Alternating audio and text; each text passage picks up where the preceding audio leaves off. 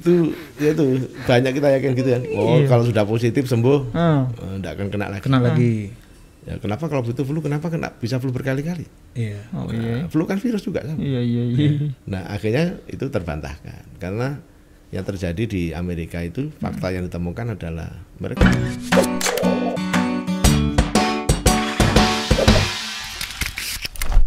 eh, itu sudah jadi diskusi kita karena ini ada semacam siklus tiga bulan Iya iya iya. iya.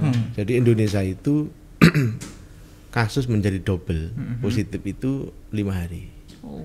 dulu asalnya dua minggu makin lama makin cepat. Hmm. jadi kalau dulu saya ikuti laporan dari jubir itu kan memang betul itu. Menjadi double itu sekian banyak. Nah ini eh, terkait dengan pilkada ya. Kalau memang ini kasusnya makin naik sekarang aja udah tenggelam nih isu pilkada. Hmm. Informasi kan udah, udah tenggelam kalah dengan yang makin naik ini Hmm. jadi masyarakat sudah nggak bisa lagi pikir itu. Tentu ya kita harapkan eh, pilkada ini tetap bisa berjalan.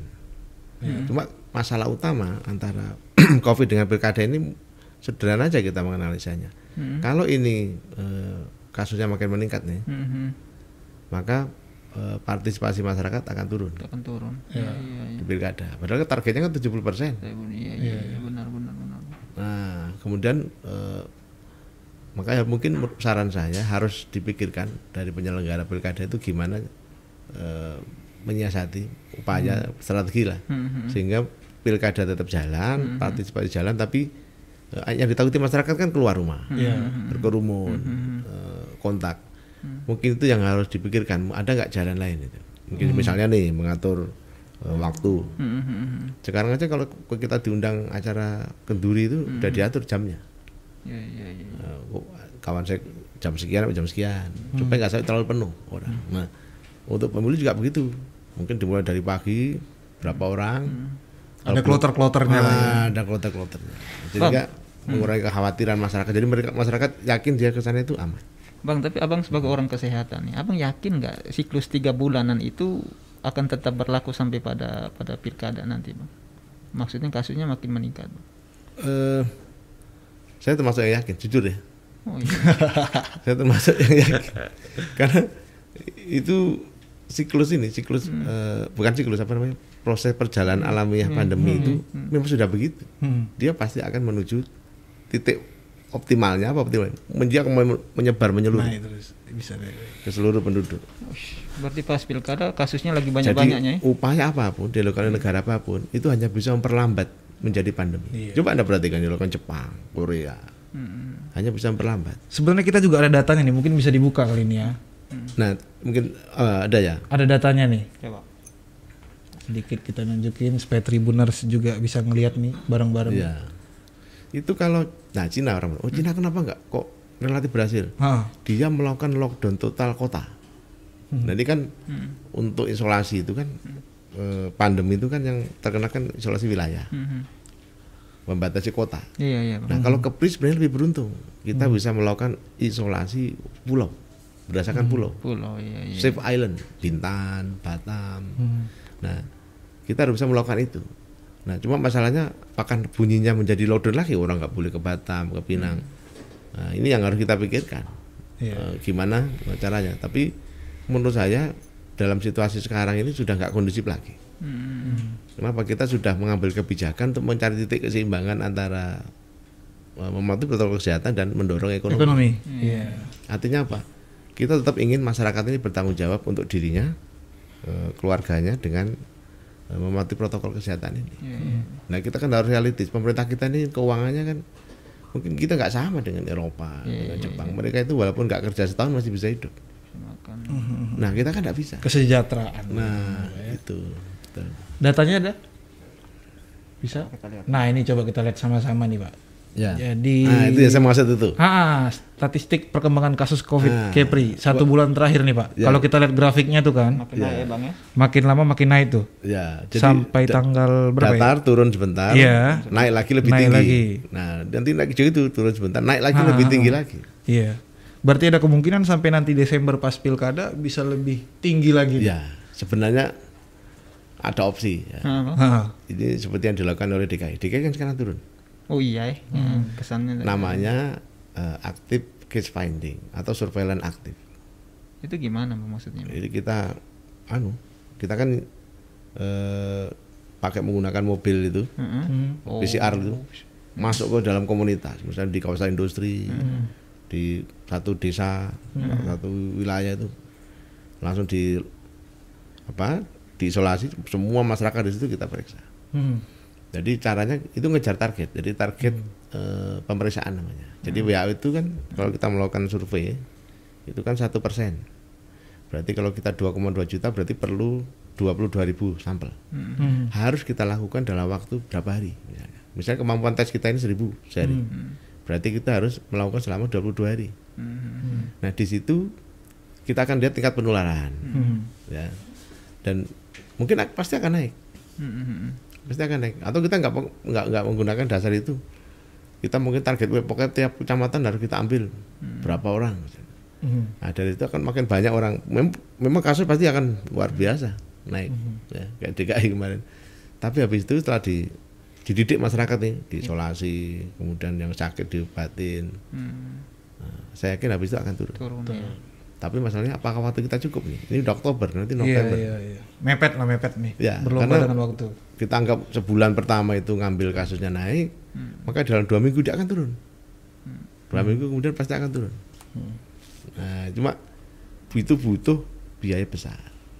Hmm. Kenapa ya? Untuk pemeriksaan sampel mahal. Iya. Kan satu reagen untuk memeriksa sampel itu 600 sampai 700 ribu. Hmm. Hmm. Itu baru reagen. Belum nanti kita alat untuk transport virusnya itu. Ya kan manajemen virusnya, tenaganya yang harus meriksa itu. Iya. Jadi ini tidak murah. Tapi DKI punya dua setengah triliun, kita nggak punya. Hmm. nah itu contohnya ya. Iya, iya, iya. Ada next ini data lagi, Pak.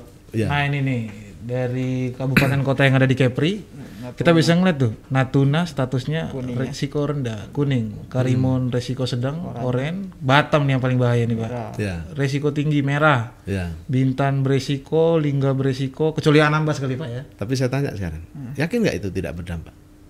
Yang Anambas, Anambas. Ber- saya yakin berdampak sih Pak.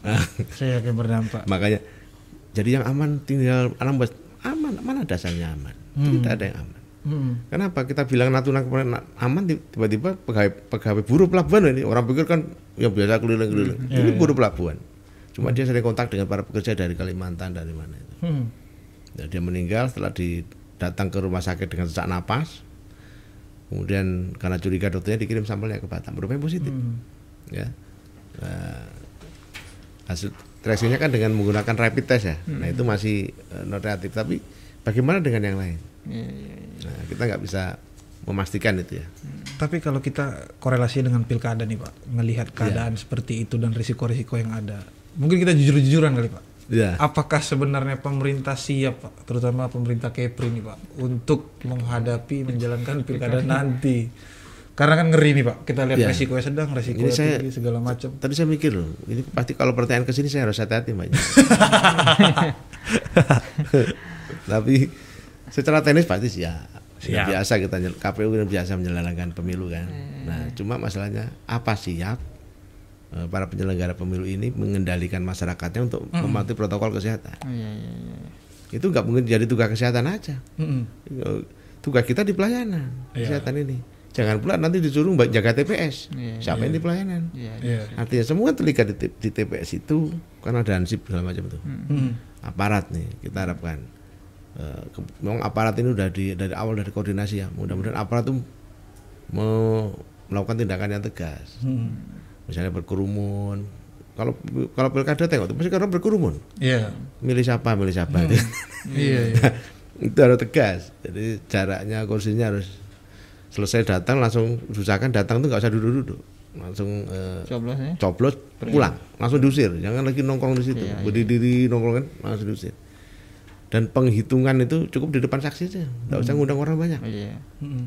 ya kan selesai langsung diangkut jadi ini harus eh, menghindari jadi menghindari yang penting kan saksi bukan penonton ya Tapi Nah, kalau- mungkin itu saran saya itu Kalau ngomong soal kesiapan aku harus tahu nih Pak. Mm-mm. Andai kata biarpun kita amit-amit Iya, Pak. iya. Andai kata tiba-tiba terjadi peningkatan kasus Covid setelah pilkada. Pilkada. Hmm. Apa Pak yang sudah disiapkan pemerintah dan mungkin apa nih? Antisipasinya ya, Ah, atau apa nih yang Itu sudah berarti- dipersiapkan dari jauh-jauh hari nih? Berarti klaster pilkada nih. Iya, seandainya terjadi Pak, Iya, iya. pemerintah sudah menyiapkan apa nih Pak untuk menangani hal itu? Eh, tentunya kita tempat. Makanya tadi itu eh, kebijakan. Karena tempat nggak mungkin menampung. Mm-mm. Eh, kemarin dari Pak eh, Pak PJS kemudian Pak Sekda mengatakan sekarang yang tanpa gejala OTG itu isolasi mandiri. OTG isolasi Oke, mandiri. ya kan? Oke. yang gejala itu di rumah sakit. Gejala di rumah sakit. termasuk RC Galang nih. Ya, ya. Hmm. kan yang di Galang kebanyakan sehat nih.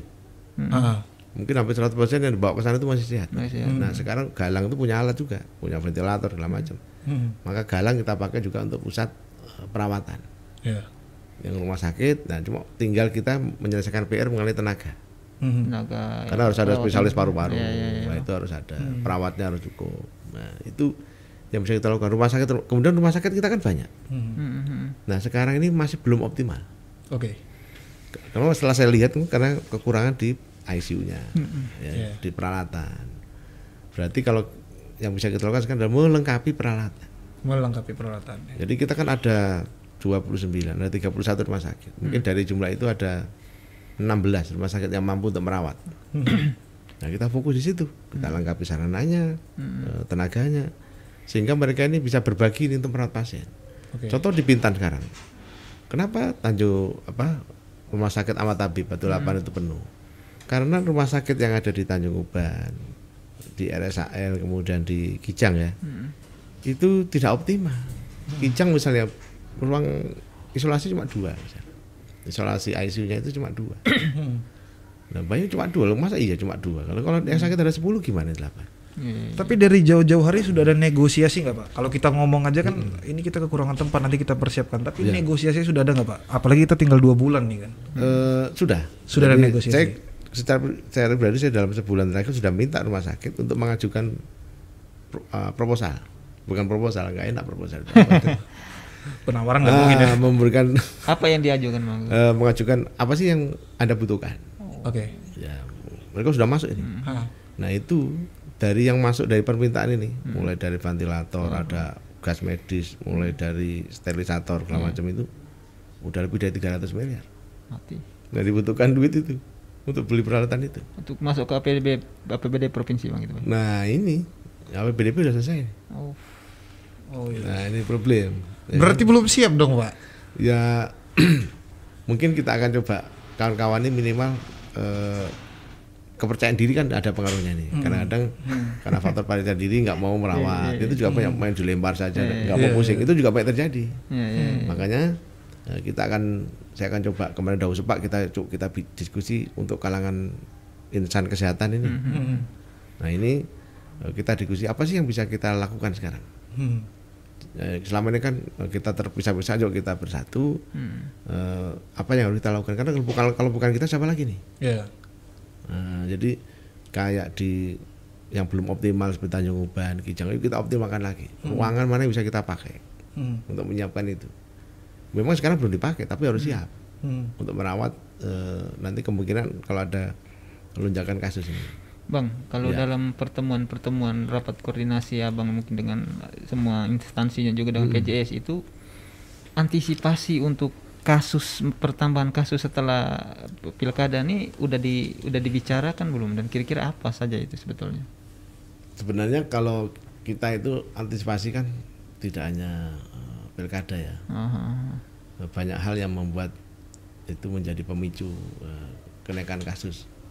Ya sebenarnya karena ketika kita sudah mulai membuka eh, aktivitas pergerakan sosial masyarakat ini, sebenarnya ketika itu dibuka, maka resiko penularan itu pasti terjadi. Jadi ketika eh, perjalanan orang itu makin aktif keluar rumah untuk bekerja dan lain-lain, maka otomatis itu penularan pasti akan naik. Hmm. Tidak bisa tidak. Nah, pilkada itu kan hanya peristiwa sehari ya. Sehari. Nah, untung kampanye udah ditahan ini. Hmm. Enggak ada ya kampanye yang "Wah, itu luar biasa, kebijakan bagus. Ya.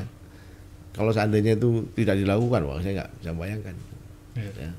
Makanya eh, kalaupun seandainya ini setelah pilkada terjadi, kita berpikirnya tadi itu bahwa kenaikan kasus ini adalah ada faktor natural perkembangan pandemi covid itu sendiri yang akan tetap akan naik bukan mau, kla- bukan klaster pilkada. ya, mau ada mau ada pilkada atau tidak Ya, ya, ya, ya karena kecuali kita nggak bisa kendalikan saat pencoblosan Ya, itu. siap, siap. Bang. Ini ada lanjutan data lagi Ya. nih Pak yang Ya, kita oke. sharing ke Tribuners. Nah ini Pak, ini kemarin pas pemilu di Korea dan di Singapura.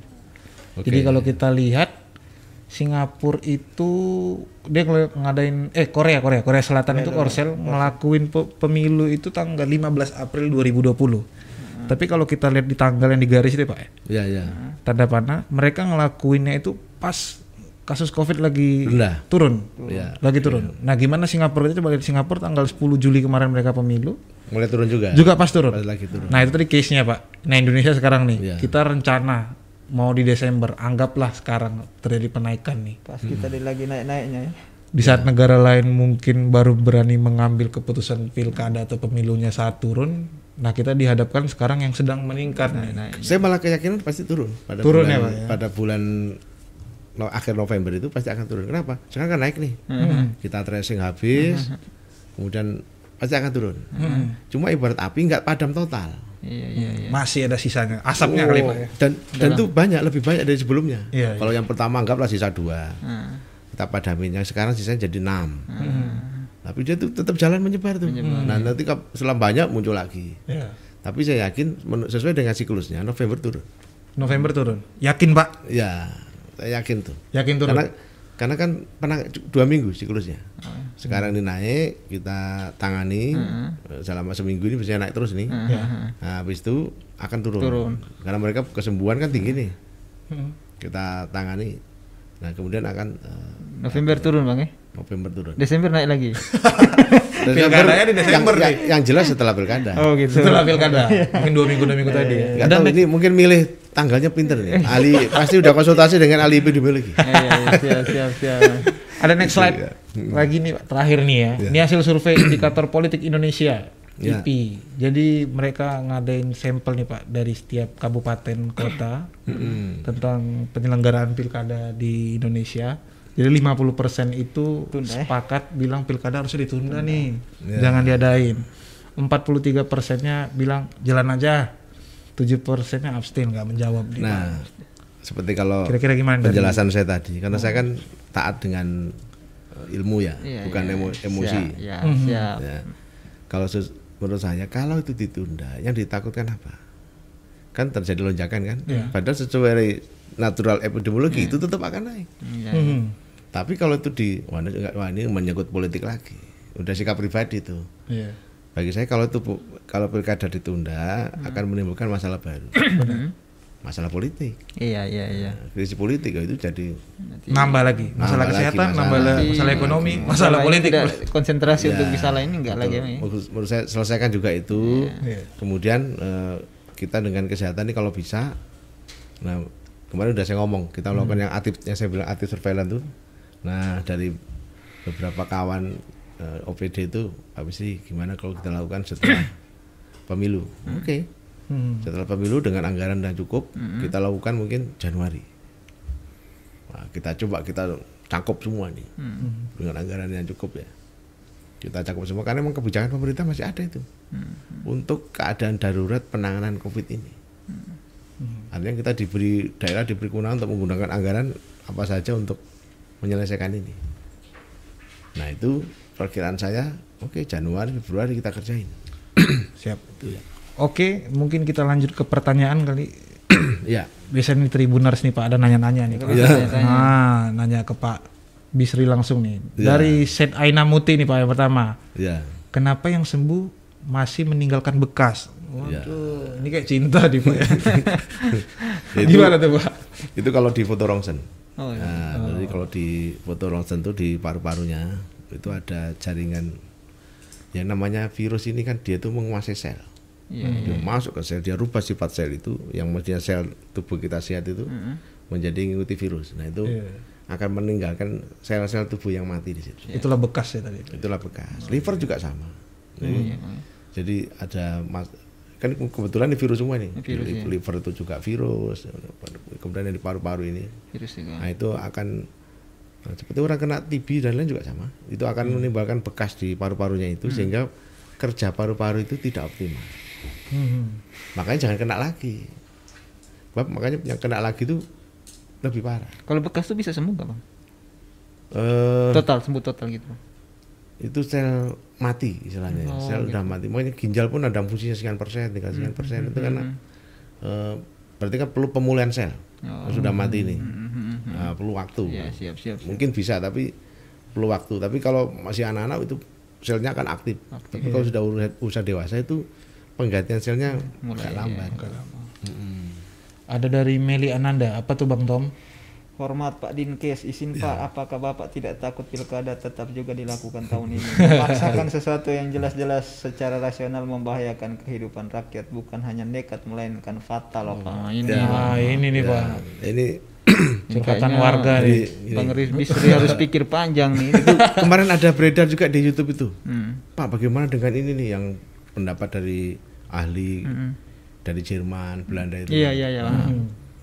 Nah masyarakat kita membaca itu udah salah. Oh berarti corona ini kan nggak ada nggak masalah. Padahal kalau kita ikuti bukan mengatakan corona nggak ada, Hmm. tapi adalah gimana kita memandang corona ini jangan terlalu berlebihan. Oh, ini ikatan dokter dunia itu ya Pak? Iya, Ah, betul. iya iya iya. Saya, saya, saya komentar itu. Mereka tidak mengatakan corona nggak ada. Hmm. Cuma kita jangan terlalu over Hmm. skeptis, terlalu takut. Iya. Jadi musuh utama daripada virus itu adalah rasa takut dan khawatir itu. Kenapa? Kalau kita terlalu takut dan khawatir, maka hormon endokrin kita itu turun. Iya iya iya. iya. Padahal pembunuh utama virus dalam tubuh kita itu adalah hormon endokrin itu. Hmm. Siap. Nah, itu nah caranya apa? Tidak boleh ada takut dan cemas. Oh, berarti Anda rajin ibadah. Harus pandai berserah diri, harus pandai menata cara berpikir. Siap. Hmm. Ya kan? Kenapa kita harus takut yang berlebihan? Ya kan?